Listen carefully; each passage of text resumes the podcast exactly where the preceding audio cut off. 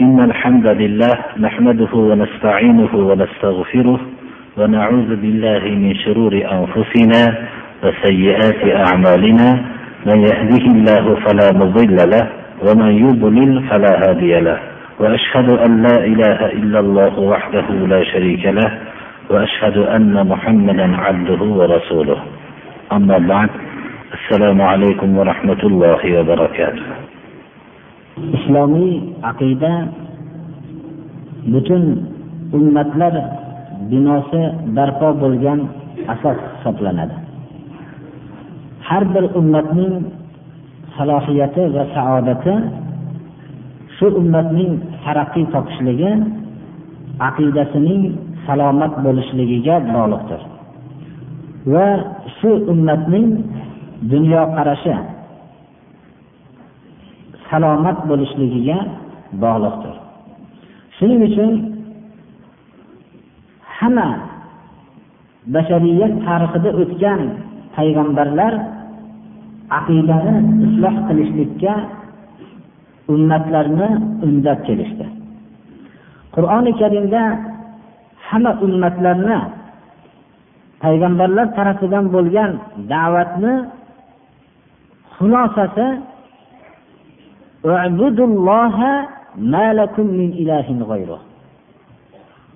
ollohga ibodat qilinglar. Sizlarga ollohdan boshqa sig'iniladigan ma'bud yo'q degan mazmunni olib kelgan. Nuh alayhissalom hud alayhissalom solih alayhissalom hammalari to muhammad alayhissalom ham oxirlari muhammad alayhissalom hamma ummatni ollohga ibodat qilinglar sizlarga ollohdan boshqa ma'bud ya'ni sig'iniladigan zot yo'q degan aqidani olib keldi. Shu aqidani ushlagan ummatlar taraqqiy topdi va saodatlik bo'ldi. Shu aqidani ushlamagan ummatlar hammasi tushkunlikka uchradi va baxtsiz bo'ldi. Dinga mansub bo'lmagan millatlardagi bo'lgan qaysi bir halollik to'g'rilikni ko'rsak bilingki payg'ambarlarning da'vatlari natijasida vujudga kelgan. Buni insof qilgan dinsizlar ham tan oladi birodarlar. Bu yerda biz kengaytirib bu haqda gapirishligimiz mavzusi bo'lmaganligi uchun bu davoyimizni isbotini ba'zilarini bir ishora qilib qo'yaman. Nima uchun odamlar o'rtasida mahram nomahram bor? Hatto mutlaqo ollohni inkor qilganlar ham nikohlanishlikda mahramni e'tiborga oladi. Qayerda vujudga keldi bu narsa? Nima uchun ular mahram yo nomahramni e'tiborga olishadi bu narsa olloh tarafidan payg'ambarlar olib kelgan yo'l natijasida mana shu bir aqida vujudga keldi. Xullas biz bu mavzuga to'xtalib o'tishlik bizni bugungi darsimizni mavzusi emas. ولقد بعثنا في كل أمة رسولا أن اعبدوا الله واجتنبوا الطاغوت har ummatga biz elchi ya'ni payg'ambar jo'natdik deydi alloh taolo ollohga ibodat qilinglar tog'utdan ijtinob qilinglar tog'ut nima tog'ut ollohdan boshqa sig'inilingan narsa hammasi tog'utdir xoh inson xoh jin xoh farishta xoh daraxt xoh tosh va hokazo boshqa narsalar. Alloh subhanahu va taolo xalqni tamomiy mavjudotni o'zigagina ibodat qilishlik uchun yaratdi. Ibodat ikki qismni tashkil topadi. Kavniy ibodat. Bunda inson bilan hamma mavjudot barobardir. Hatto eshak ham barobar allohga sig'inadi. Bu bilan inson faxrlana olmaydi. Inson a'zolari ollohni qonuniyatiga bo'ysunadi. Ollohga ibodat qiladi. Daraxtlar ollohga ibodat qiladi. Koinotdagi hamma sayyoralar ollohning qonuniyatidan zarracha tashqariga chiqolmaydi. Inson ning a'zolari ham ollohning qonuniyatidan zarra tashqariga chiqolmaydi bu ibodat xohlasa ham allohga sig'inadi inson boshqa mavjudot xohlamasa ham. Quloq bilan eshitadi ko'z bilan ko'radi o'pka bilan nafas oladi yurak ham o'zining xos olloh tarafidan unga tayinlangan vazifasini o'taydi. Bu kavniy ibodat hamma mavjudot bir xil. Shar'iy ibodat bilan inson mana bu mukofotlanadi. Va shu shar'iy ibodatni tark qilishligi bilan qiyomatda jazolanadi. Bu alloh subhanahu va taoloning buyrug'iga ixtiyoriy hayotida bo'ysunishlikdir mana bu sohada insonlar ikki toifaga bo'linadi. Mo'minlar va kofirlar. Kofirlar ichiga mushriklar zindiq va hokazo kufrning hamma turi kiradi. Alloh subhanahu va taolo jin bilan inson toifasini mana shu shar'iy ibodat uchun yaratdi. Inson va jin toifasini jin va inson toifasini faqat o'zimgagina ibodat qilishlik uchun yaratdim deydi. Ibodat alloh subhanahu va taoloning bandalar ustidagi haqqidir. Mana bu haqni o'tashmasalar ollohni haqqini o'tashmagan bo'ladilar. Va bu haq hamma haqlardan ustun turadi ota ona haqqidan hamma mavjudotning inson ustida haqqi bor ammo ollohning haqqi ya'ni yagona o'ziga ibodat qilish bu haqqi hamma haqdan ustun turadi jabal roziyallohu anhuga rasululloh sollallohu alayhi vasallam aytdilarki أتدري ما حق الله على العباد وما حق العباد على الله قلت الله ورسوله أعلم قال حق الله على العباد أن يعبدوه ولا يشركوا به شيئا وحق العباد على الله ألا يعذب من لا يشرك به شيئا imom buxoriy jomi sahihlarda keltirgan hadis sharifdan imom muslim ham jomi sahihlarda keltirilgan muttafaqun alayh hadisdir ey maoz dedilar ollohni bandalar ustidagi haqqini bilasizmi bandalarning ollohdagi haqqi nima ekanligini bilasizmi dedilar. Men aytdimki olloh rasuli biluvchiroq dedim. Ollohni bandalar ustidagi haqqi bandalar ollohga ibodat qilishliklari hech bir narsani sharik qilishmagan holatda dedilar. Bandalarning ham ollohda haqlari bor dedilar. Agar bu kalimani rasululloh sollallohu alayhi vasallam aytmasalar bandalarning ollohda haqqi bor deyishlikka mo'minning tili jur'at qilolmaydi. Bandalarning ollohdagi haqqi ollohga hech bir narsani sharik qilmagan kishini azob bermaslikdir. Takror aytamiz bu haq mutlaqo hamma haqlardan ustun turadi. Bu haqdan biror haq baland turmaydi. Alloh subhanahu va taolo qur'oni karimda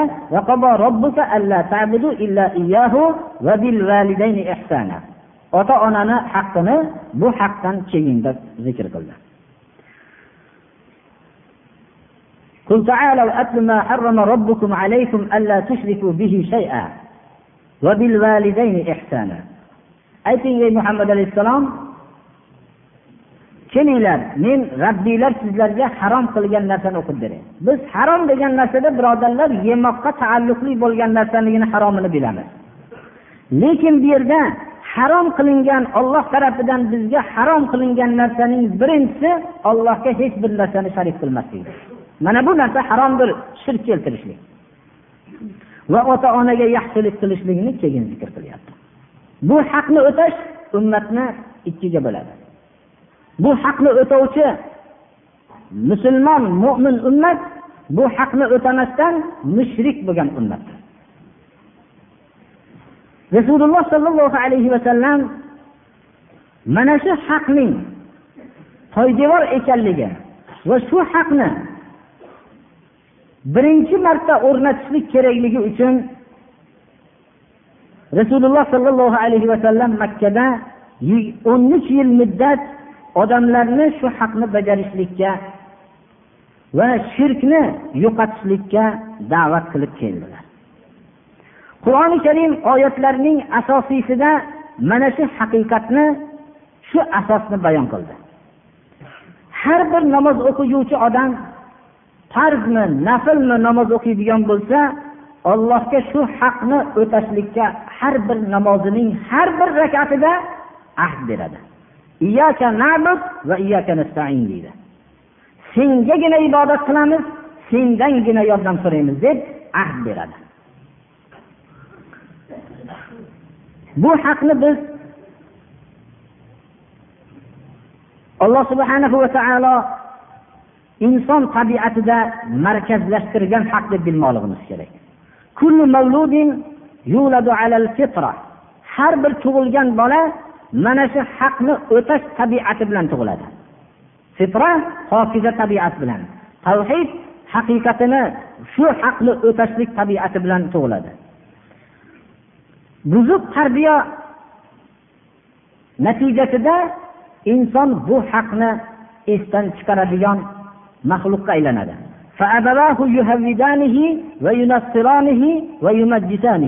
Ota onasi uni yahudiy qiladi va nasoro qiladi va majusiy qiladi.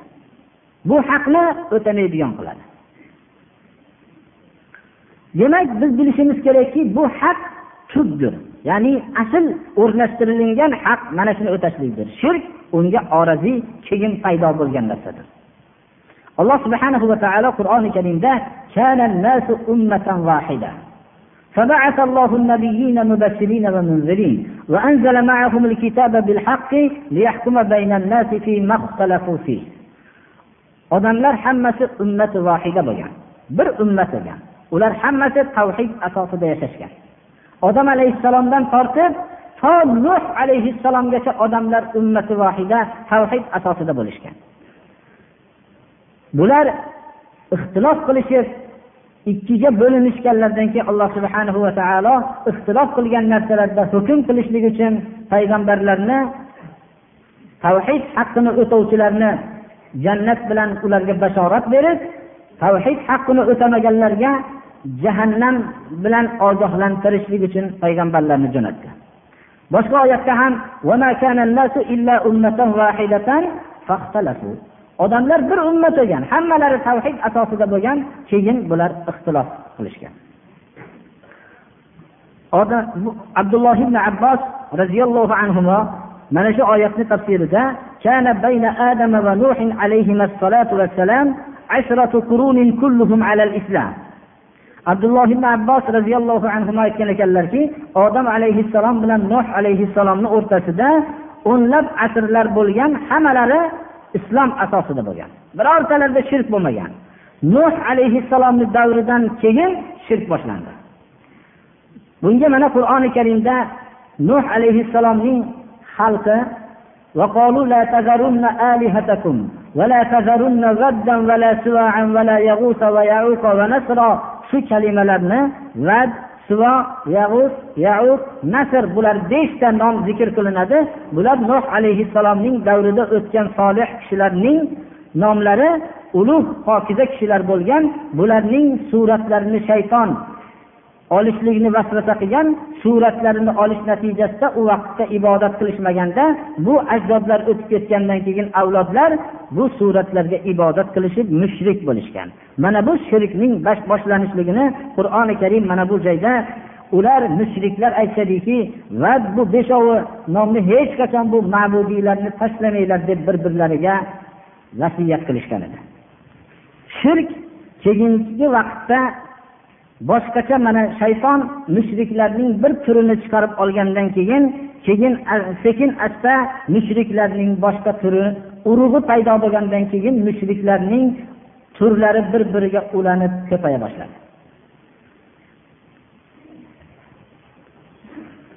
Ba'zi bir toifalar borki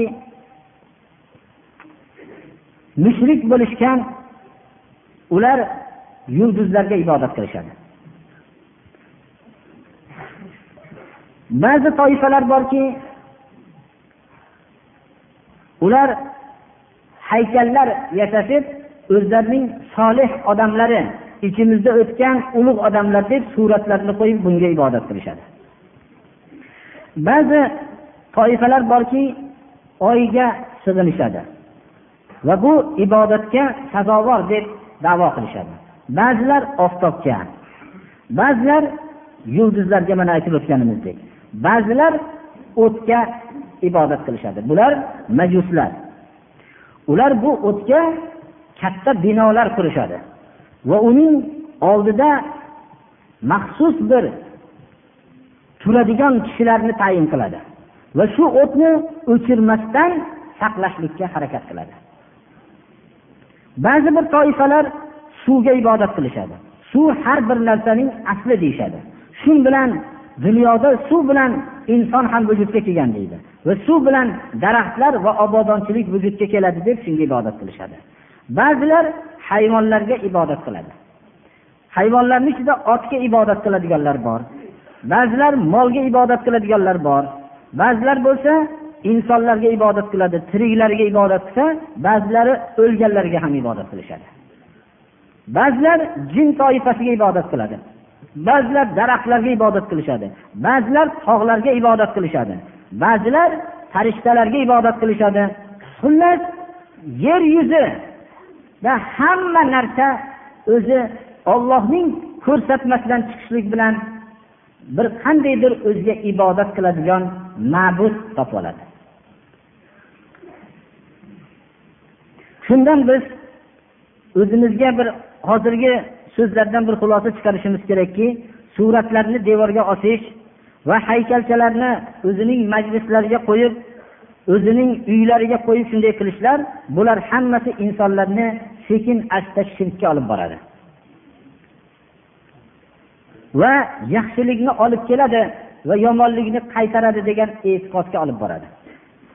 Mana nuh alayhissalomni qavmiga shu narsa vujudga keldi. Biz hozir tavhidning ma'lum bir turlari haqida bahs yuritamiz. Va shu bilan birga ba'zi mushriklar o'zlarining shirklarini illatlab biz ibodat qilmaymiz deb lekin shu degan so'zi bilan baribir shirkka tushib qolgan ba'zi bir misollarni keltiramiz. Tavhidning turlari ikki turdir. Birinchisi ma'rifat ollohni tanishlikdagi tavhiddir. Bu tavhid tavhidi rububiyah deb bilinadi.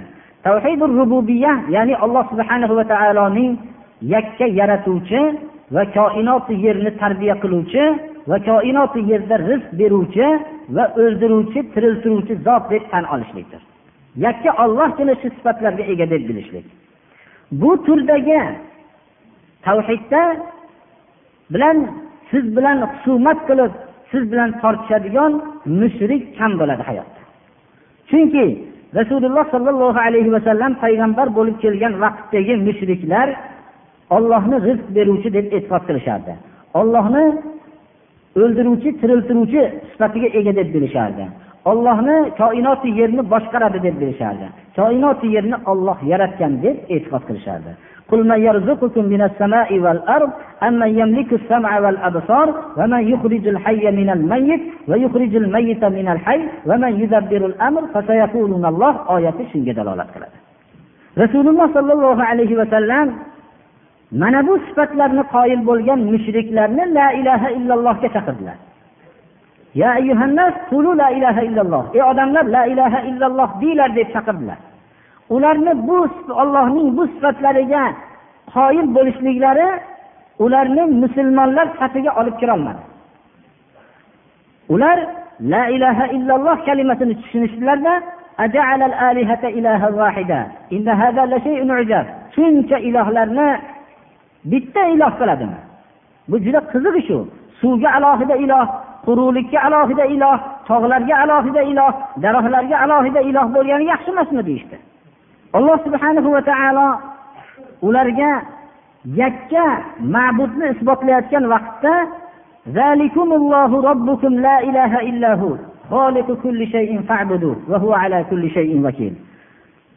har bir narsani yaratuvchi bu zot sizlarni tarbiya qilinglar shu zotga ibodat qilinglar dedi. Ular ollohni har bir narsani yaratuvchi deb tan olishardi lekin shu zotga ibodat qilishmadi. Shuning uchun mushrik bo'lishdi.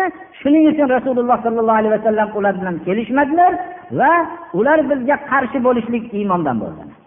Demak rububiyat tavhidiga iqror bo'lishlik insonlarning tabiatida markazlashgan. Bu bilan bironta bir mushrik siz bilan tortishmaydi. Magar bir dahriylar toifasiki ollohni vujudini inkor qilganlar bular juda ozchilikni tashkil qiladi. Qur'oni karimda bu dahriylarni ham zikri kelganki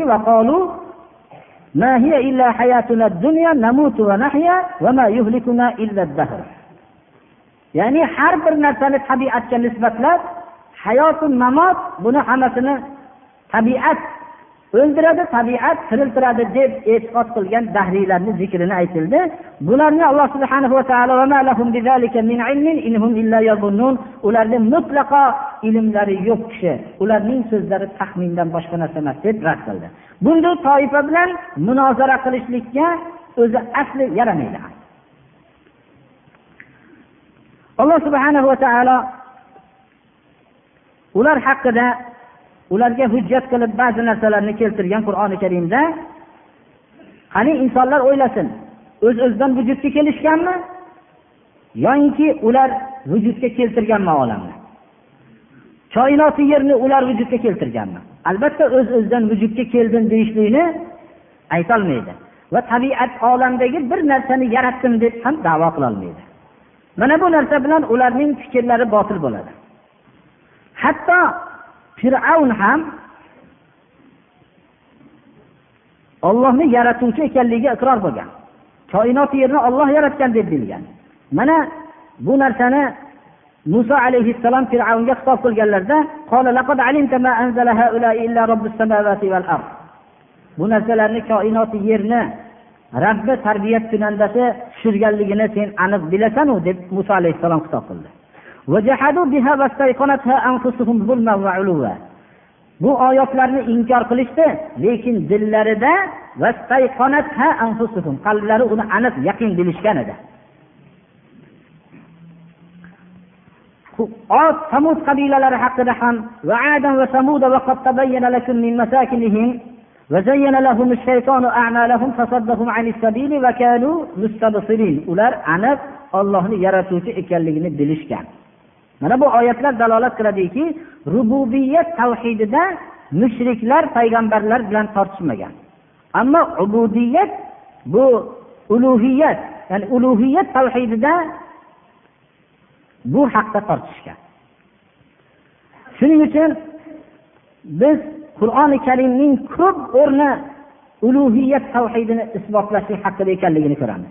Qur'oni karimni agar biz mulohaza bilan tilovat qilar ekanmiz qur'ondagi har bir sura balki qur'ondagi har bir oyat shu tavhidga da'vatdir.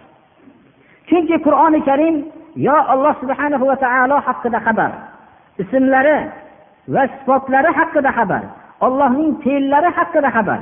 Bular hammasi rububiyat tavhidi. Ya'ni alloh subhanahu va taoloning koinot yerni yaratuvchi ekanligi haqidagi xabar bu rububiyat tavhididir. Yo alloh subhanahu va taoloning o'zigagina bo'lgan o'zigagina ibodat qilishlikka bo'lgan chaqiruvdir bu albatta ulug'iyat tavhididir hozirgi aytganimizdek. Yoyinki alloh subhanahu va taolo o'zining ahli tavhidlarini qiyomat kuni va dunyoni o'zida ham hurmat qilishligini bularni saodatmand qilishligi to'g'risidagi xabardir. Bu tavhidning mukofotidir. Yoyinki shu tavhiddan bosh tortganlarni qiyomatda azob berishligining xabaridir. Bu tavhid hukmidan tashqariga chiqqanlarning xabaridir. Jazosidir. Yoinki qur'oni karim hukm va qonunlardir. Bu albatta tavhid haqlaridandir. Hukm va qonun ya'ni tavhid haqqi qonun chiqarish alloh subhana va taoloning o'zini haqqidir. Bunga birovning sharik bo'lishligi shirkdir ulug'iyatni davo qilish va buni tan olishlik bu shirkdir. Alloh demak o'ylab qarasak qur'oni karim suralari balki har bir oyat tavhid haqida xabar desak mana xato qilmaymiz. Chunki besh narsani o'z ichiga oladi. Takror qilamiz. Yo ollohni haqida xabar ismlari sifatlari haqida xabar. Bu rububiyat tavhidi. Yoyinki alloh subhanahu va taoloning o'zini ibodatiga bo'lgan chaqiruv bu ulug'iyat tavhididir ikkinchisi.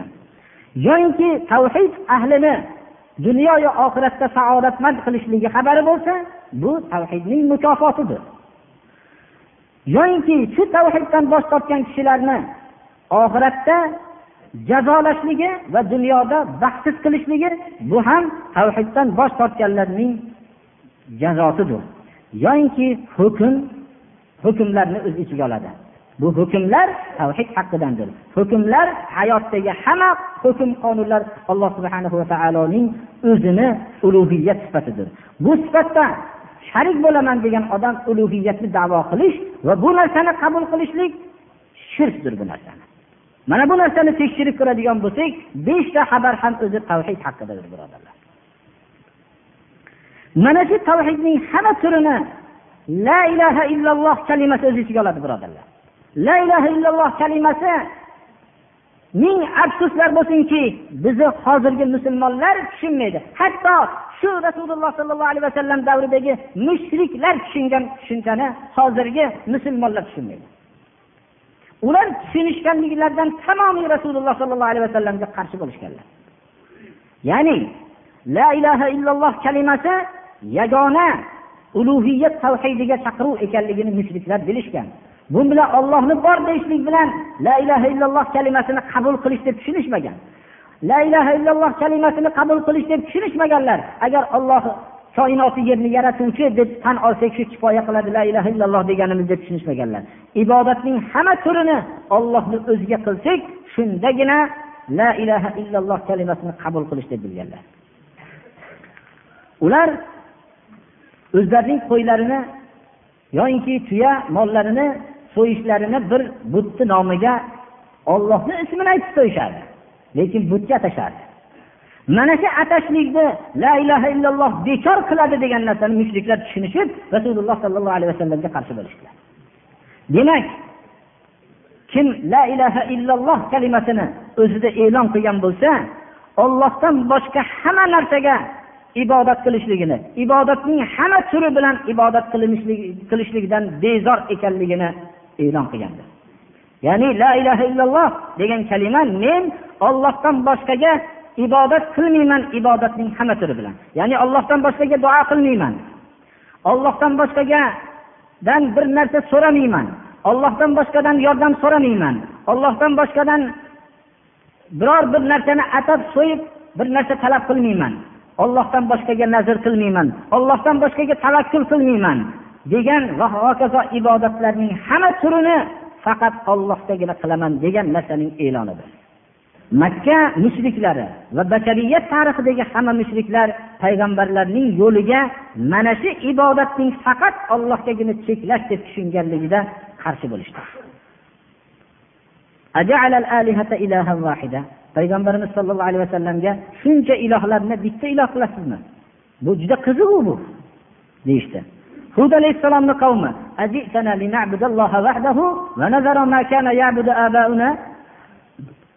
ajdodlarimiz ibodat qilib kelgan narsadan voz kechishlikni va yakka ollohga ibodat qilishlikni olib keldingmi deyishdi.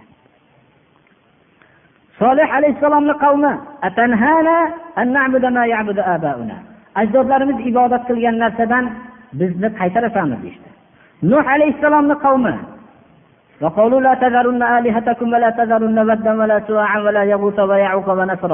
deb bunday deyishdi. Demak bular hammalari tushunishdilarki ibodatni ollohdan boshqaga qilishlikni yo'qotuvchi kalima deb la ilaha illallohni tushunishdilar. Ibodat tavhidi deb atasak tavhidul iboda ya'ni ibodatni faqat allohga qilishlikda bo'lgan shirklar. Shirk ibodatdagi shirk ibodatni ollohdan boshqaga qaysi turi bo'lsa ham qilishlikni ibodatdagi shirk deb ataladi. Biz avvalgi hozirgi darsimizda bunga bir ishoralar qilib o'tdik. Bu shirk haqida biz ko'p shirk kasaliga giriftor bo'lgan odamlarni shubhalarini olib kelamiz. Biz shirkni bilmaguncha islomni qadriga yetmaymiz.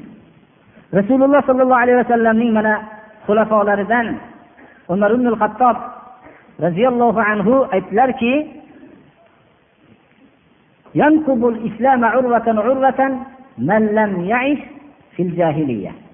har xil iboralar bilan keladi. Islomni birma bir qadrlay olmaydi. Johiliyatda yashamagan odam. Johiliyatni bilmagan odam islomning qadriga yetmaydi.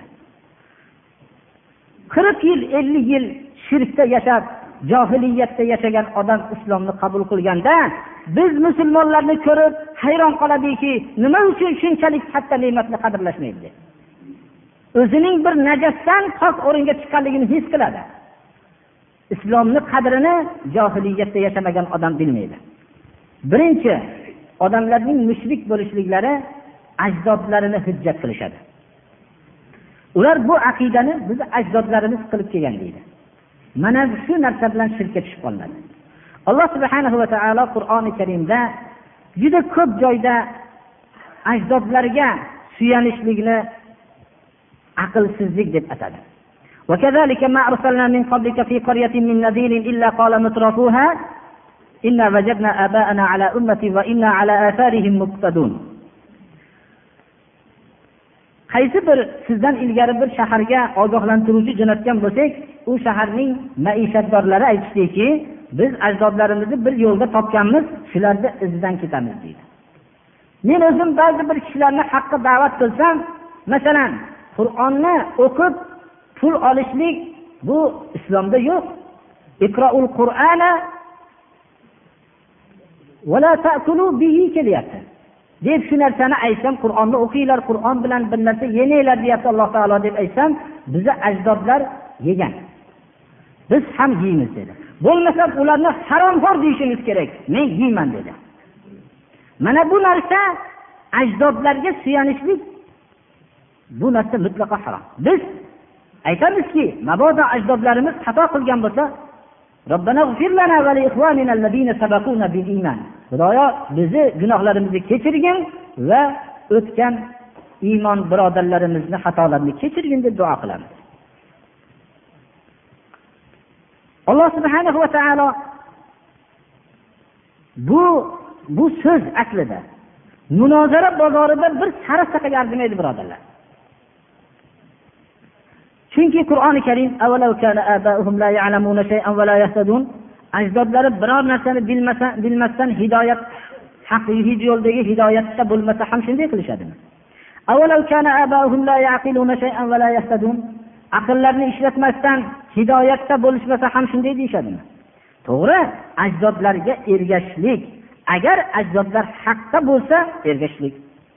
Bilan faxrlanamiz واتبعت ملة آباء إبراهيم وإسحاق ويعقوب ما كان لنا أن نشرك بالله من شيء ذلك من فضل الله علينا وعلى الناس ولكن أكثر الناس لا يشكرون yusuf alayhissalom hamma xalqlarni shirkda topganlarda aytdilarki men ajdodlarimni diniga ergashaman ibrohim ishoq yaqub ajdodlarimni yo'liga ergashaman bizlarga ollohga hech bir narsani sharik qilishlik mumkin emas bu ollohning bizga fazlidir bu shirk marazidan qutulgan bo'lishligimiz.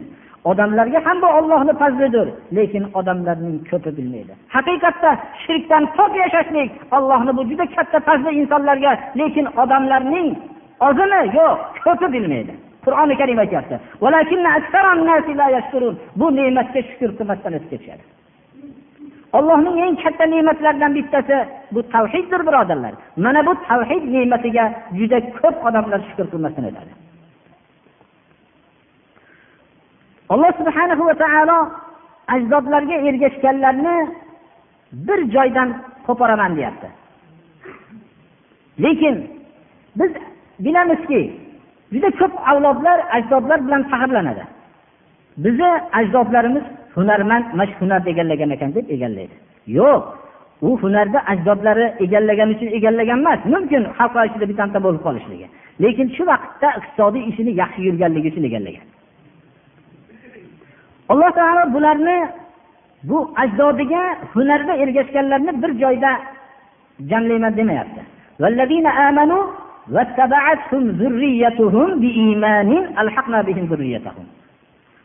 Iymon keltirgan kishilar va ularga iymon bilan ajdodlariga ergashganlarni bir biri hammalarini jamlayman deyapti alloh taolo. Shu avlodni ajdodga ulayman deyapti. Iymon bilan ergashishlik bilan faxrlanmoqligimiz kerak. Biz ajdodlarimizning hunarini egallashlikka olloh tarafidan ma'mur emasmiz. Iymon iymonini egallashlikka ma'murmiz agar biz ajdodlar bilan birlashmoqchi bo'lsak iymon sifatida ergashaylik. Shu iymon bilan ergashgan jamoani alloh subhana va taolo ajdodlari bilan birlashtiradi. Odamlar faxrlanadi. Biz dadamiz bunday ekanlar mana shuncha shunday bo'lib yuribdi deydi. Dadalari namozxon bo'lgan juda ko'p odamlarni. Hozirgi namoz o'qimayotgan avlodlarning dadalari namozxon bo'lgan. Juda ko'plari hofizi qur'on bo'lgan. Dadamiz hofizi qur'on bo'lgan ekan deb bittasi hofizi qur'on bo'lmagan juda ko'plari. Juda ko'p xudosizlarning dadalari xudosiz bo'lmagan. U qayerdan topdi bu hunarni xudosizligini?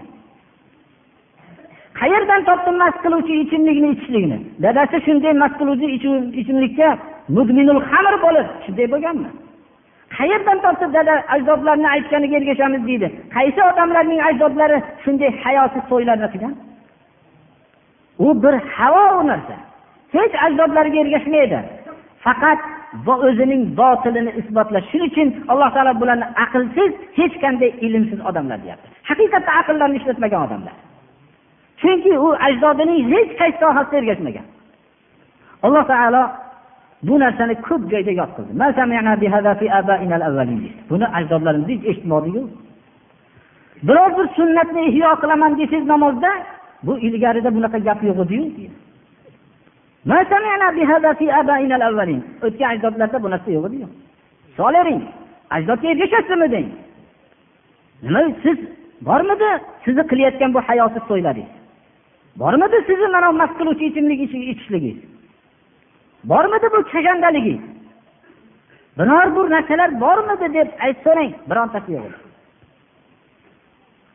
ana bu narsani demak ajdodingizda hech narsa yo'qini qilyapsiz ekan bu sunnatlarni ham yo'qini qilavering hatto hamma payg'ambarlarni qavmlari solih alayhissalomni qavmi shuayb alayhissalomni qavmi shuayb alayhissalom namoz o'qidilar seni namozingmi bu ajdodlarimiz qilgan ishdan qaytarayotgan? deyishadi. Hozirda ham bir namoz o'qisangiz biror bir sunnatga amal qilsangiz sen mana shu ish qilganingdan beri o'zgarib qolding deydi. Shu shu narsa sizni qilayotgan ishlarni qaytarayotgan shu amalingmi deydi. Mana namozingni shu bizni ajdodlar qilgan ishdan qaytarayotgan narsa deyishadi. Ibrohim alayhissalom ularga mana dedilar. Nimaga ibodat qilyapsizlar? dedilar. Butlarga ibodat qilayotgan butlarga ibodat qilyapmiz shunga o'zimizni bog'layapmiz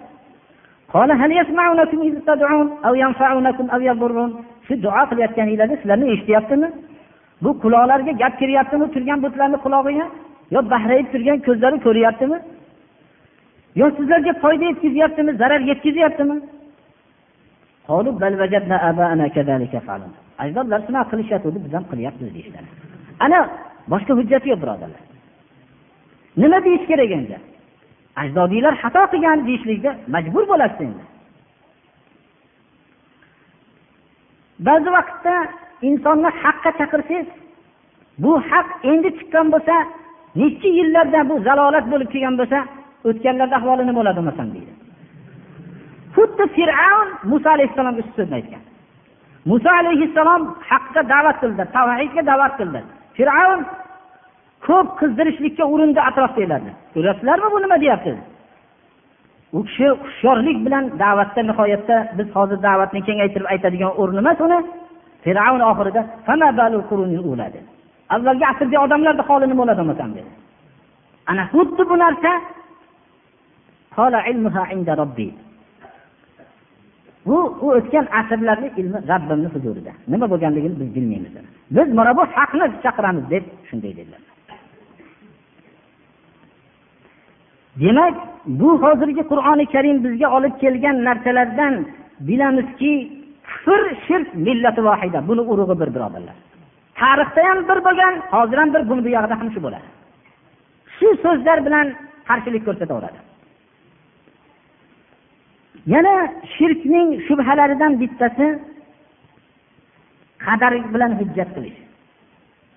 Shu qazoi qadar shu ekan peshonamizga bitgani shu ekan shunday bo'lib o'tyapmiz deydi qur'oni karimga biz murojaat qilamiz tarixdagi mushriklar xuddi shunday derdi سيقول الذين أشركوا لو شاء الله ما أشركنا ولا آباؤنا ولا حرمنا من شيء mushriklar aytishadiki olloh xohlaganda biz mushrik emasdik deydi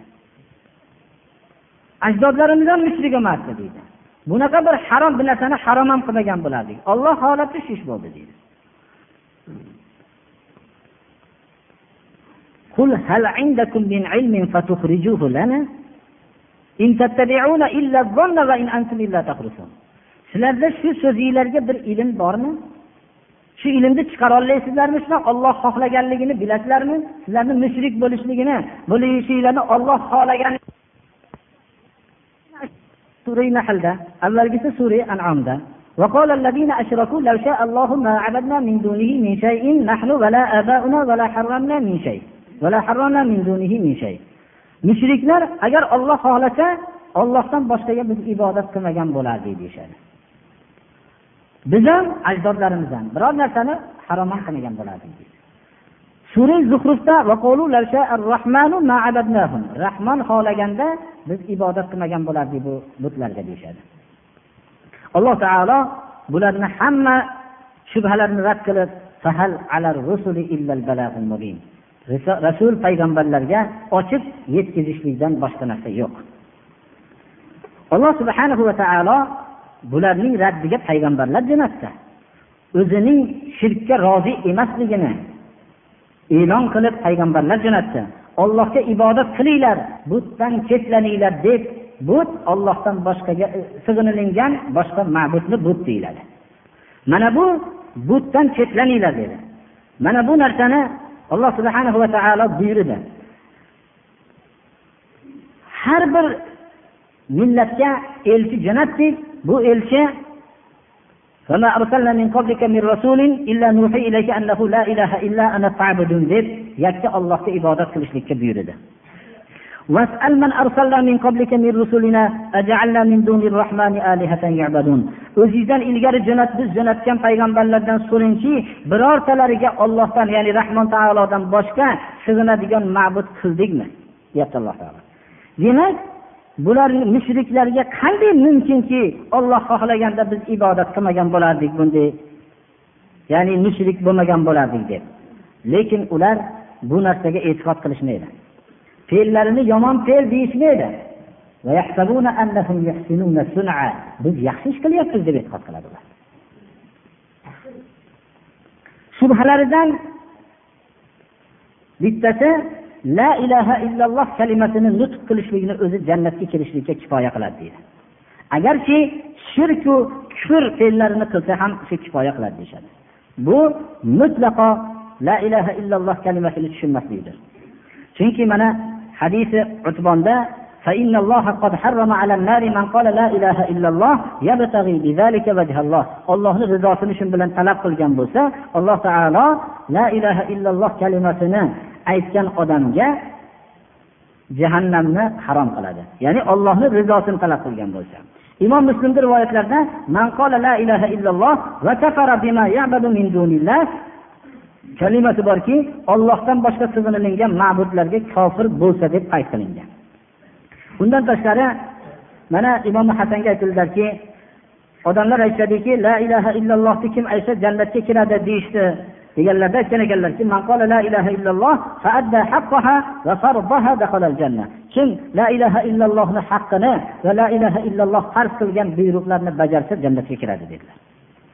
Biz darslarimizda ko'pida aytganmiz mana bu la ilaha vahbubni munabbihni so'zlari la ilaha illalloh jannatni kalidimi deganlarda kalidi lekin kalidning tishi bo'lsa kalid bo'lib ochiladi dedilar. Bu tishlari la ilaha illalloh farz qilgan amallardir shubhalardan bittasi shuki ummati muhammad zalolatda jamlanmaydi shuning uchun shirkda ummati muhammad bo'lmaydi degan davoni qilishadi. Bu davo xatodir.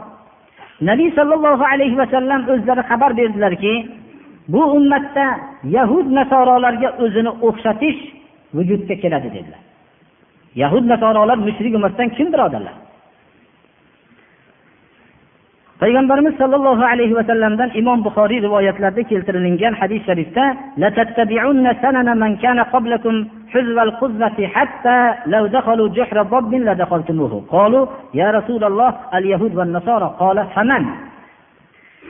sizlar o'zinglardan ilgarigi ummatlarning yo'liga xuddi bir oyoq kiyimini bir poyi ikkinchi poyi bilan barobar bo'lgandek ergashib ketasizlar. Xuddi yahud nasorolarni o'zi bo'lib qolasizlar dedilar.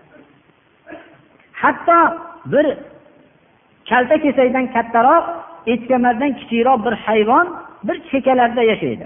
Shunaqa bir iniga ham ular yahud nasorolar kirgan bo'lsa buni nima qilamiz bu yerga kirib demasdan sizlar ham shu yerga kirasizlar dedilar. Shunda yo rasululloh o'tgan ummatlarni deb yahud nasorolarni aytyapsizlarmi? deganlarda kim aytyapsan bo'lmasam? dedilar. Hozirgi vaqtda ham juda ko'p an'analarni qilayotgan o'zini musulmonman deb sanagan odamlarni tekshirsangiz bu an'analarni kimni yo'liga kirayotganligini bir tekshirishmaydi. Ergashasizlar dedilar. Demak payg'ambarimiz sollallohu alayhi vasallam xabar beryaptilarki shu o'zlaridan ilgarigi yahud nasorolarning qilgan diyon fe'llar odatlarni hammasini qilishliklarini. Mana bu xabar berdilar. hatto payg'ambarimiz sollallohu alayhi vasallam xabar berdilarki bu sunan abu dovudda keltirilgan hadisda أنها لا تقوم الساعة حتى يلحق حي من أمته بالمشركين وحتى تعبد فئام من أمته الأوثان qiyomatni qoyim bo'lmasligini o'zlarining ummatlaridan bir toifani mushriklarga qo'shilib ketmasdan va hatto ummatlardan ko'p jamoalar butlarga ibodat qilmaguncha qiyomat qoyim bo'lmasligini xabarini berdilar demak shirk ummati muhammadda bo'lmaydi biz qilayotgan narsa shirk emas degan davolar xatodir. Ba'zi shubhalari shuki biz ollohdan tashqari hojatlarimizni so'rayotganimiz yo'q bu tog'i toshlarga borib mazoratlarga borib so'rayotgan narsamiz hojatlarimizni so'rayotganimiz yo'q foyda so'rab kelayotganimiz yo'q zarar so'rab kelayotganimiz yo'q. Lekin ollohni huzurida shafoat qilishliklarini umid qilyapmiz deyishadi. Chunki ular ollohni huzurida hurmatli kishilar salohiyatli bizdan ko'ra martabalari balandroq salohiyatli kishilar shularning shafoatini umid qilamiz deyishadi. Shafoat kitobi sunnat bilan sobitdir. Bunda shak shubha yo'q. Lekin bu kitobi sunnatda sobit bo'lgan shafoat bu shafoat emas birodarlar ayni makka mushriklari mana bu narsani hujjat qilishardi والذين اتخذوا من دونه أولياء ما نعبدهم إلا ليقربونا إلى الله زلفى ollohdan boshqa ma'budlarga sig'inayotganlar biz ollohga bir qisman yaqin qiladi deb ibodat qilyapmiz xolos deyishardi ya'ni bir qisman ozgina bo'lsa ham yaqin qiladi bizlarni deb Ular makka mushriklari bu sig'inayotgan butlari foyda zarar yetkazmaydi deb e'tiqod qiladiganlari ham bor edi. Faqat ollohni huzurida bizlarni shafoat qiladi deyishardi. Hozir foyda zarar yetkazmaydi deb e'tiqod qilishadi. Mana oyatdan hujjat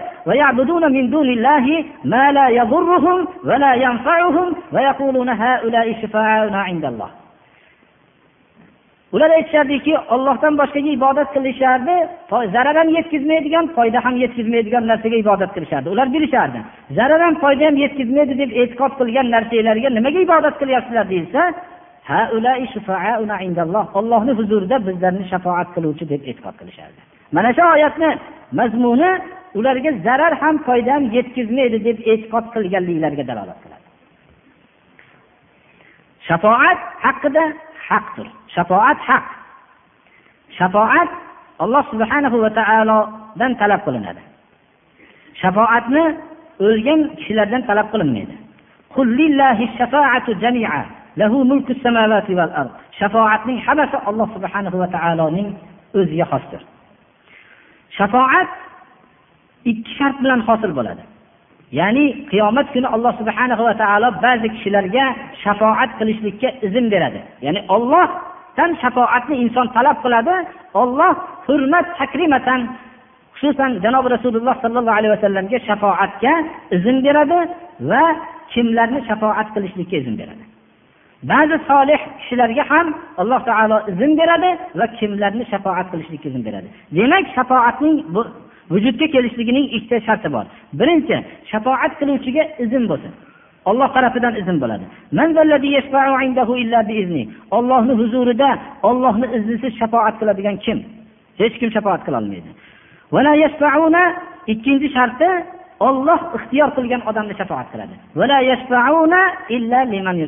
Olloh ixtiyor qilganda shafoat qilishadi odamlar. Agar olloh izn bermasa farishtalar ham shafoat qilolmaydi. Kam va min malakin fis la tughni shafa'atuhum shay'an illa min ba'di an ya'zana Allohu liman yasha'u va yarda. Olloh o'zi ruxsat bergandan keyin o'zi ixtiyor qilgan odamiga ruxsat bergandan keyin shafoati foyda beradi.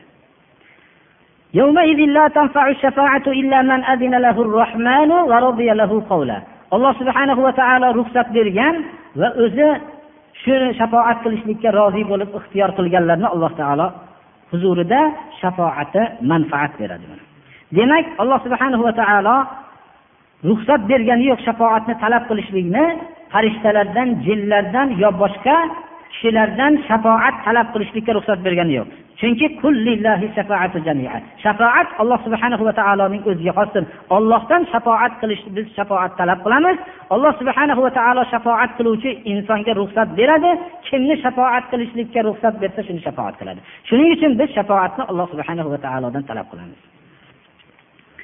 Shubhalaridan bittasi mana qur'oni karimda eng qattiq shubhalaridan inson agar mukammal bilmasa aldanib qolishligi mumkin bo'lgan shubhalardan bittasi mushrik odamlarning qur'oni karimda ya ey iymon keltirgan kishilar ollohdan taqvo qilinglar ollohdan qo'rqinglar va allohga vasila talab qilinglar. Vasila ollohga yolborishliginglarda vasila istanglar أولئك الذين يدعون يبتغون إلى ربهم الوسيلة أيهم أقرب vasila kalimalaridan shubha vujudga kelgan ular shu oyatdan demak o'zlari bilan olloh o'rtasida vositalar qilishlik mashru deb bilishgan lekin qur'oni karimning bu oyati u ma'noda emas birodarlar vasila qilish ikki qism bo'ladi mashru shar'iy vasila qilish va mamnu ya'ni noshar'iy shariatga xilof vasiladir Alloh subhanahu va taologa asmoul husno bilan sifatlari bilan vasila qilishligimiz bu shar'iy vasiladir. Allohni asmoi husnosi bor shu bilan duo qilinglar shuni vasila qilib demak biz duo qilamizki ya alloh ya arhamar rohimin ya mannan ya zal jalali val ikrom kalimalari bilan ollohning asmoi husnosini vasila qilib duo qilamiz. Ikkinchi o'zidagi muhtojlik vasila qilib allohga yolborish. Robbi inni va anta arhamur rohimin ayyub alayhissalom ey robbim meni shunday og'ir bir kasallik meni ushladi. O'zing rahm qiluvchilarning rahm qiluvchirog'isan deb o'zining muhtojligini vasila qiladi boshqa mana zakariya alayhissalomni so'zlariki robbi inni minni ra'su shayba va lam akun bi du'aika robbi shaqiya. Qarigan vaqtlarda ey robbim men qaridim suvaylarim yumshadi sochlarim oqardi. Meni bir zurriyotsiz qo'ymagin bir zurriyot mendan keyin bir merosxo'r qolsin deb o'z zurriyot ollohdan talab qildilar vasila qildilarki o'zlarining ojiz zaifliklarini. O'zlarining zulm qilganliklarini vasila qilib zunnun yunus alayhissalom duo qildilar. La ilaha illa anta subhanak inni kuntu minaz zolimin dedilar. yaxshi solih amallarni vasila qilishlik ربنا إننا سمعنا مناديا ينادي للإيمان أن آمنوا بربكم فآمنا فاغفر لنا ذنوبنا ربنا فاغفر لنا ذنوبنا وكفر عنا سيئاتنا gunohlarni mag'firat qilinishligini iymon keltirganlik vasilasini qilishyapti robbi amanna biz iymonga chaqiruvchini eshitdikda iymon keltirdik mana iymonimizni vasila qilib sendan gunohlarimizni mag'firat qilishlikni talab qilamiz deydi Undan tashqari mana biz buni ishora qilib qo'yamiz.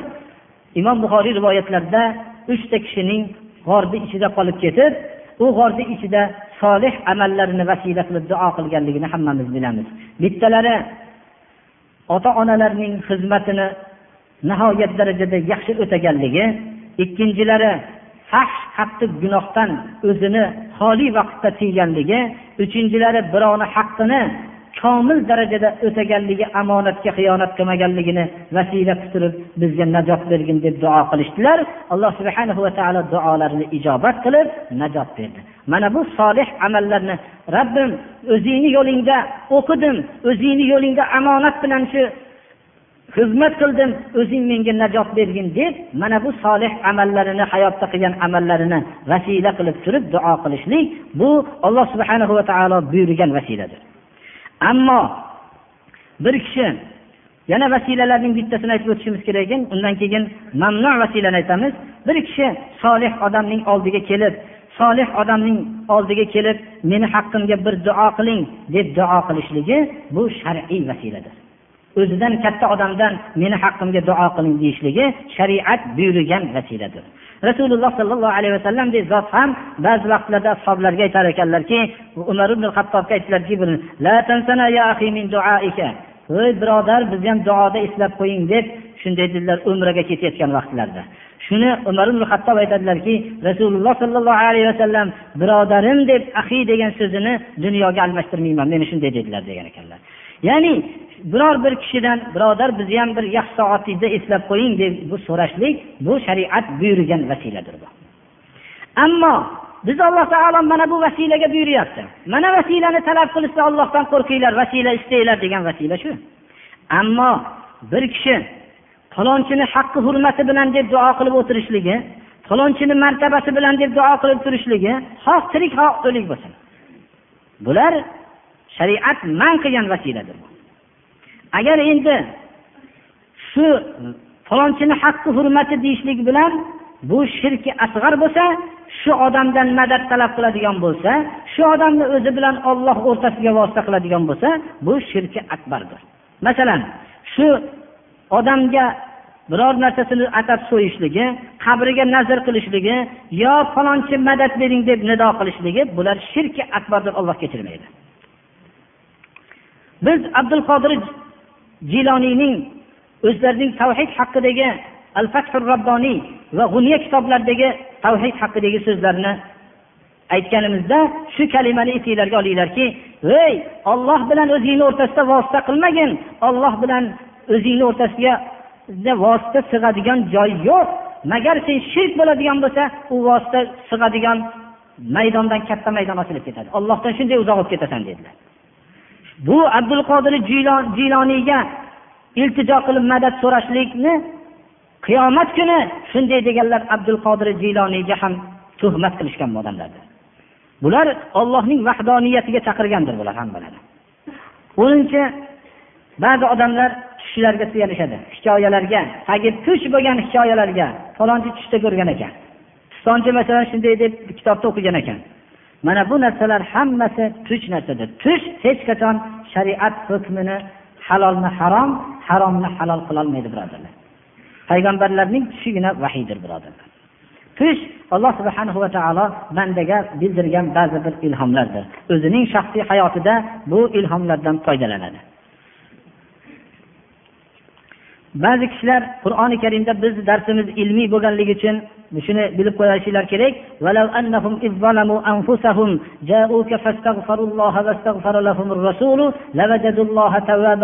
Oyatini ba'zi odamlar mushriklikka hujjat qilishmoqchi bo'lishadi.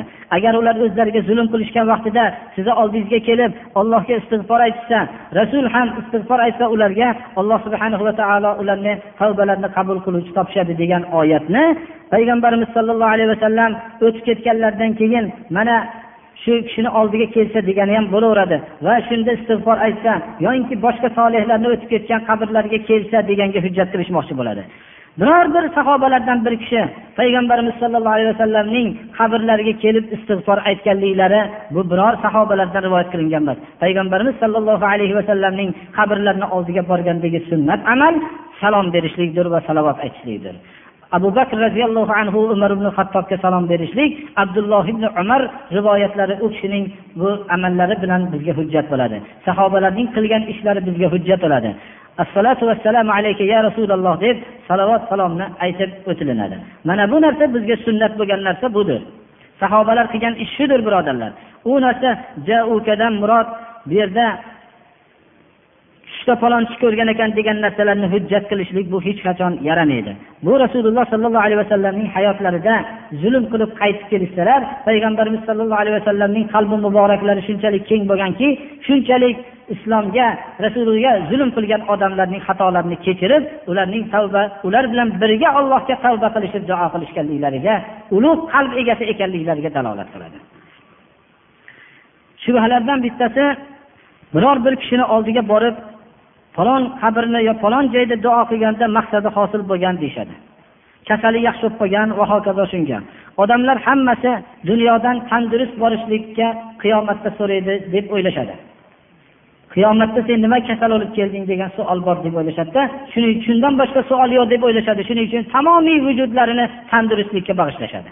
Agar tandurust bo'lib qoladigan narsa najasni ichib turib yaxshi bo'lib qoladigan bo'lsa ham shu narsani maqtab ichishaveradi mana hozirgi vaqtda ko'p vaqtda savol qilinadiki bavlni ichib tuzalib qolsa bo'ladimi deb birodarlar bu narsa juda bir xatarli savol bu. Bu bavl shunday narsaki insonning biror bir libosiga tegsa ehtiyot bo'lmasa azobi qabrga sabab bo'ladigan amaldir. Rasululloh sollallohu alayhi vasallam bir qabrni ikkita qabrni oldidan o'tdilar va aytdilarki azoblanishyapti dedilar. Gunoh kabira sababli azoblanmayapti bular dedilar. Keyin yo'q gunoh kabira sababli azoblanyapti dedilar vahiy kelgandan keyin. Bittalari chaqimchilik bilan o'tgan edi. Ikkinchisi bavlidan. O'zining bavlidan ehtiyot bo'lmagan dedilar. Ya'ni birovlarni bavlidan emas birodarlar. O'zining bavlidan ehtiyot bo'lmagan dedilar.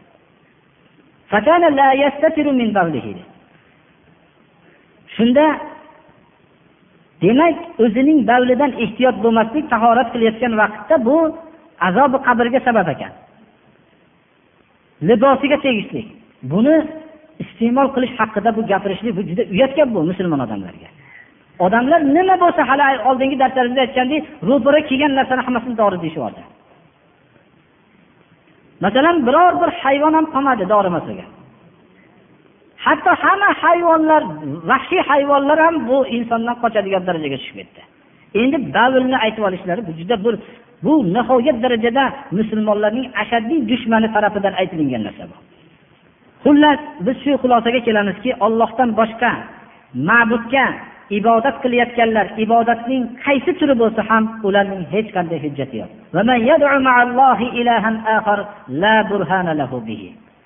Shuning uchun bu shirk maraziga giriftor bo'lgan odamlarning hamma hujjatlari botildir. Alloh subhanahu va taolo buyurgan amalning eng kattasi tavhid bo'lsa qaytargan narsalarning eng kattasi shirkdir. Alloh subhanahu va taolo shirkni hech qachon kechirmaydi.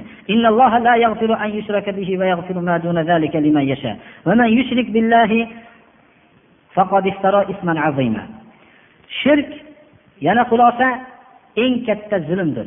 Kim shirk amalni qilgan bo'lsa eng katta zolim hisoblanadi. Kim shirk maraziga giriftor bo'lgan bo'lsa alloh taolo unga jannatda harom qilgan uning joyi jahannamdir.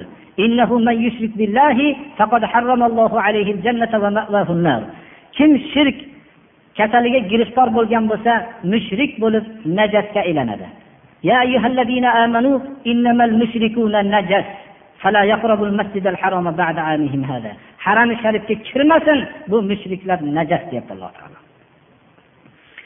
mushrik haloliddam val mol islom hukmi barpo bo'lgan diyorlarda mushrikning moliyu qoni haloldir فإذا انسلخ الأشهر الحرم فاقتلوا المشركين حيث وجدتموهم وخذوهم واحصروهم واقعدوا لهم كل مرصد فإن تابوا وأقاموا الصلاة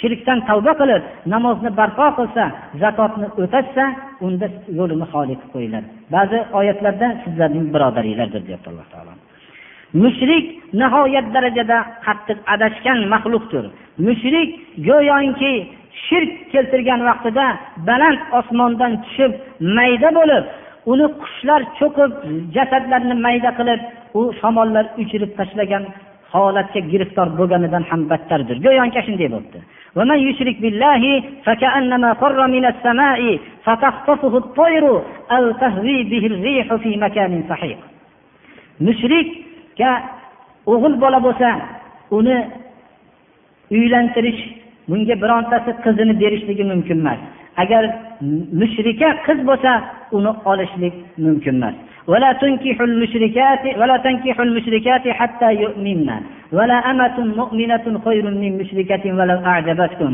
ولا تنكحوا المشركين حتى يؤمنوا ولا عبد مؤمن خير من مشرك ولو أعجبكم mushrik undan amal qabul bo'lmaydi ibodati sahih bo'lmaydi ولقد أوحي إليك وإلى الذين من قبلك لئن أشركت ليحبطن عملك ولتكونن من الخاسرين ولو أشركوا لحبط عنهم ما كانوا يعملون bunga hujjatdir alloh subhanahu va taolodan panoh istaymiz shirk va nifoq kufrdan mana bu bizga shirk haqidagi ba'zi ma'lumotlarning mushriklarning ba'zi hujjatlarini biz bayon qilgan bo'ldikki bizni ummatimizga juda ko'p shirk amallari kirib ketgandir. Alloh subhanahu va taoloning oyatini mo'jizligi yana bir bor bilinadiki shirk haqida bu amali shirk desangiz odamlar biz iymon keltirgan bizni mushrik deysanmi deyishadi. Olloh aytyaptiki odamlarning ko'pi iymon keltirmaydi. Magar iymon keltirdik deyishadiyu mushrik holatda iymon keltirdik deyishadi deyapti bu ollohni so'zi birodarlar. Mana iymonni iymon keltirdik degan odamlarning ichida ko'pchiligi mushrik ekanligini olloh qur'onda bayon qilyapti mana. Mana bu narsadan biz nihoyatda ehtiyot bo'lmoqligimiz kerak. Chunki ollohni huzuriga agar bir kishi iymon bilan tavhid bilan borsa xatolari ko'p bo'lsa ham alloh subhanahu va taolo kechiradi. Xohlasa kechiradi. Xohlasa ma'lum gunohiga yarasha azoblanib jannatga dohil bo'ladi. Ammo shirk bilan dunyodan ketsa har qancha kechasi turib ibodat qilgan bo'lsin kunduzi nafl ro'zalar tutgan bo'lsin alloh subhanahu va taolo uning amalini qabul qilmaydi va uning joyi jahannamdir. Bu hech qanday bir olimni so'zi emas alloh subhanahu va taoloning azaliy kitobidagi so'zdir.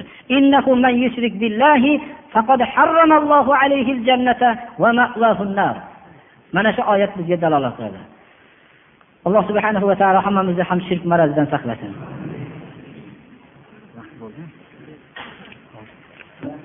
Sahobadan o'qib beraylik desak o'zimiz vaqtni o'tkazib qo'yibmiz. Inshaalloh ikki safar shunday bo'lib qoldi yana safarga alloh nasib qilsa o'qiymiz inshaalloh.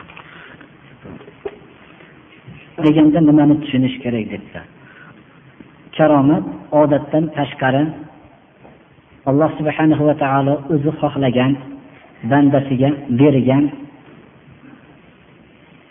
odatni e, holatni karomat deymiz. Agar shu holat payg'ambardan sodir bo'lsa mo'jiza bo'ladi. Agar mo'min kishidan sodir bo'lsa karomat bo'ladi. Masalan umar ibn hattob roziyallohu anhudan rivoyat qilinadiki xutbada turgan vaqtlarida xutbani orasida bir soriya degan lashkar boshlig'ini uzoqqa jo'natgan edilar. Uzoq bir oylik masofada dushman bilan jang qilishlik uchun ketgan edilar. Shunda juma xutbasida madinada turib yo soriyatul jabal al jabal ey soriya toqqa hushyor oling toqqa hushyor oling degan so'zni aytdilarda xutbalarda davom etaverdilar hamma sahobalar so'rashdilarki xutbada shu soriyani o'rtaga qo'shib ketdingiz deganlarda alloh taolo menga shu soriyani tog' ostida turganligi dushman tog' tepasiga chiqib kelayotganligini olloh bildirdi. Ko'rsatdi. Shunda soriyani tog'ni tepasiga chiqishlikka bir nido qildimki ollohni o'zini lashkarlari bor shoyat yetishsa dedi. Soriya kelganlarida ashoblar so'rashda soriya g'olib bo'lib keldilar. Biror bir holat bir tovush shunga o'xshagan bir narsa so'raganlarida bir vaqt tog'ni pasti dedim. Besoriya toqqa hushyorliging toqqa hushyorligingdan tovushni eshitdim toqqa chiqsam dushman chiqib kelayotgan ekan. Shu yerda mag'lubiyatga uchratdim ularni dedilar. Bu dushmanlarga ham ba'zi bir holatlarni ularga muyassar qilib beradiki hayotda bir jinday maqsadini hosil qilsin ertaga jahannamga o'tin bo'lar azobi qattiq bo'lgani uchun deb istidroj qilib qo'yib qo'yadi. Bu narsa hech qanday ulug'likni belgisi emas. Mo'min kishi qiyomat kuni qabrda ham va qiyomat kunida ham nimaga sen karomat ko'rsatib kelmading degan savolga ro'baro bo'lmaydi.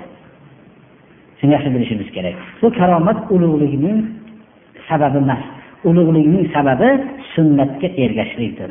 Abu yazid bastomiydan falonchi havoga uchyapti deganlarda pashsha ham uchadi degan ekanlar. Falonchi suvda suzyapti desa baqa ham suzadi dedilar. Ana shunga o'xshagan bu narsalar bizni ko'zimizga jilob bermasligi kerak. U umar ibn hattobdan sodir bo'lgan karomat ham ixtiyori bilan sodir bo'lmaydi. Olloh tarafidan bu narsa izn bo'lib sodir bo'ladi va u ham bo'lsa dini islomning rivojiga sabab bo'lgan. Unaqa boshqa bir osti ustidagi so'yilgan mushukni go'shtini tiriltirmaganlar u kishi ya'ni. Hech bir na dinga na dunyoga foydasi yo'q ish qilmaganlar. U kishi qilgan karomat ham alloh tarafidan berilgan karomat ham dini islomning rivojlanishligiga sabab bo'lgan birodar. Savol bo'lganligi uchun albatta javob beramiz. Namozni farzini o'qib bo'lgandan keyin sunnati yoki vitrini o'zi tamomlab imom duo qilishini kutib turish kerakmi yoki kutib turmasdan turib masjiddan chiqib ketishi kerakmi? Bu savolda masjiddan shunaqa qilib turib chiqib ketishligi ham vojib emas o'tirishligi ham vojib emas. Dedi turib chiqib masjiddan chiqib ketish kerakmi? Deb chiqib ketadimi o'tiradimi ixtiyor farz o'qildimi tarzdan keyin ma'sur duolarni o'qishlik bu sunnatdir. Rasululloh sollallohu alayhi vasallam shu ma'sur duolarni o'qiganlar. Shundan keyin bir odam sunnatni uyda o'qiyman deb ketsa ham haqqi bor. Vitrni uxlab turib ertaman turib o'qiyman desa aniq turishligiga ishonchi bo'lgan odam bo'lsa savobi ko'p bo'ladi. Vitr aslida o'zi bir uxlab turib o'qilinishi kerak. Agar hozir endi qodir bo'lmasa uxlashdan ilgari agar yangi tahorat qilib o'qisa ham bo'laveradi. Lekin ba'zi bir kishilar hozirgi vaqtda birodarlar farz o'qigandan keyin sunnati mana shu bir joyda o'qiydigan bo'lsa bu sunnat o'qimaydi degan gaplar bu vitrda ham o'qimaydi degan gaplarni ko'p tarqatishadi. Shunaqa fitnalarga sabab bo'lmaslik uchun ba'zi mashhur kishilar vitrni jamoatni ichida o'qiganligini bo'lmasa shu fitnalarga sabab bo'lmaydi. Aslidagi masala farzni masjidda o'qishlik afzal boshqa namozlarni uyda o'qishlik afzal. Xat yozishda sal bir tushunarli qilib yozish kerak. Men tushunganim shu bo'lyaptiki agar bir mo'min birodarni shayton bir kishini deb gapira olish kerak. Chunki birodarni desa shaytonni yonida turganishga bir umid qoladi. Bir odamni shayton bitta gunohga chaqirsa shundan qanaqa qilib qutulish kerak edi? Ollohni zikriga murojaat qilish kerak. Olloh buyurgandek yashasa shu shaytonni alloh taolo deyapti. Meni bandalarimga ey shayton seni qudrating bo'lmaydi deyapti. U ollohni bandasi bo'lishlikka harakat qilsin har bir amalida. Shunaqa bo'lsa shayton uni vasvasa qilolmaydi misvok degani ya'ni tishga uchkaydigan narsa degani ismi olat. Qaysi daraxtni shoxidan bo'lishligi bizga tayin emas. Tishga ishqaydigan tishning og'izni bo'yini oladigan achchiqroq daraxtlardan qilinsa misvok bo'ladi birodarlar. Ko'proq mana iroq daraxti arablarda mana ko'p misvoylarda shu yaxshiroq bo'ladi.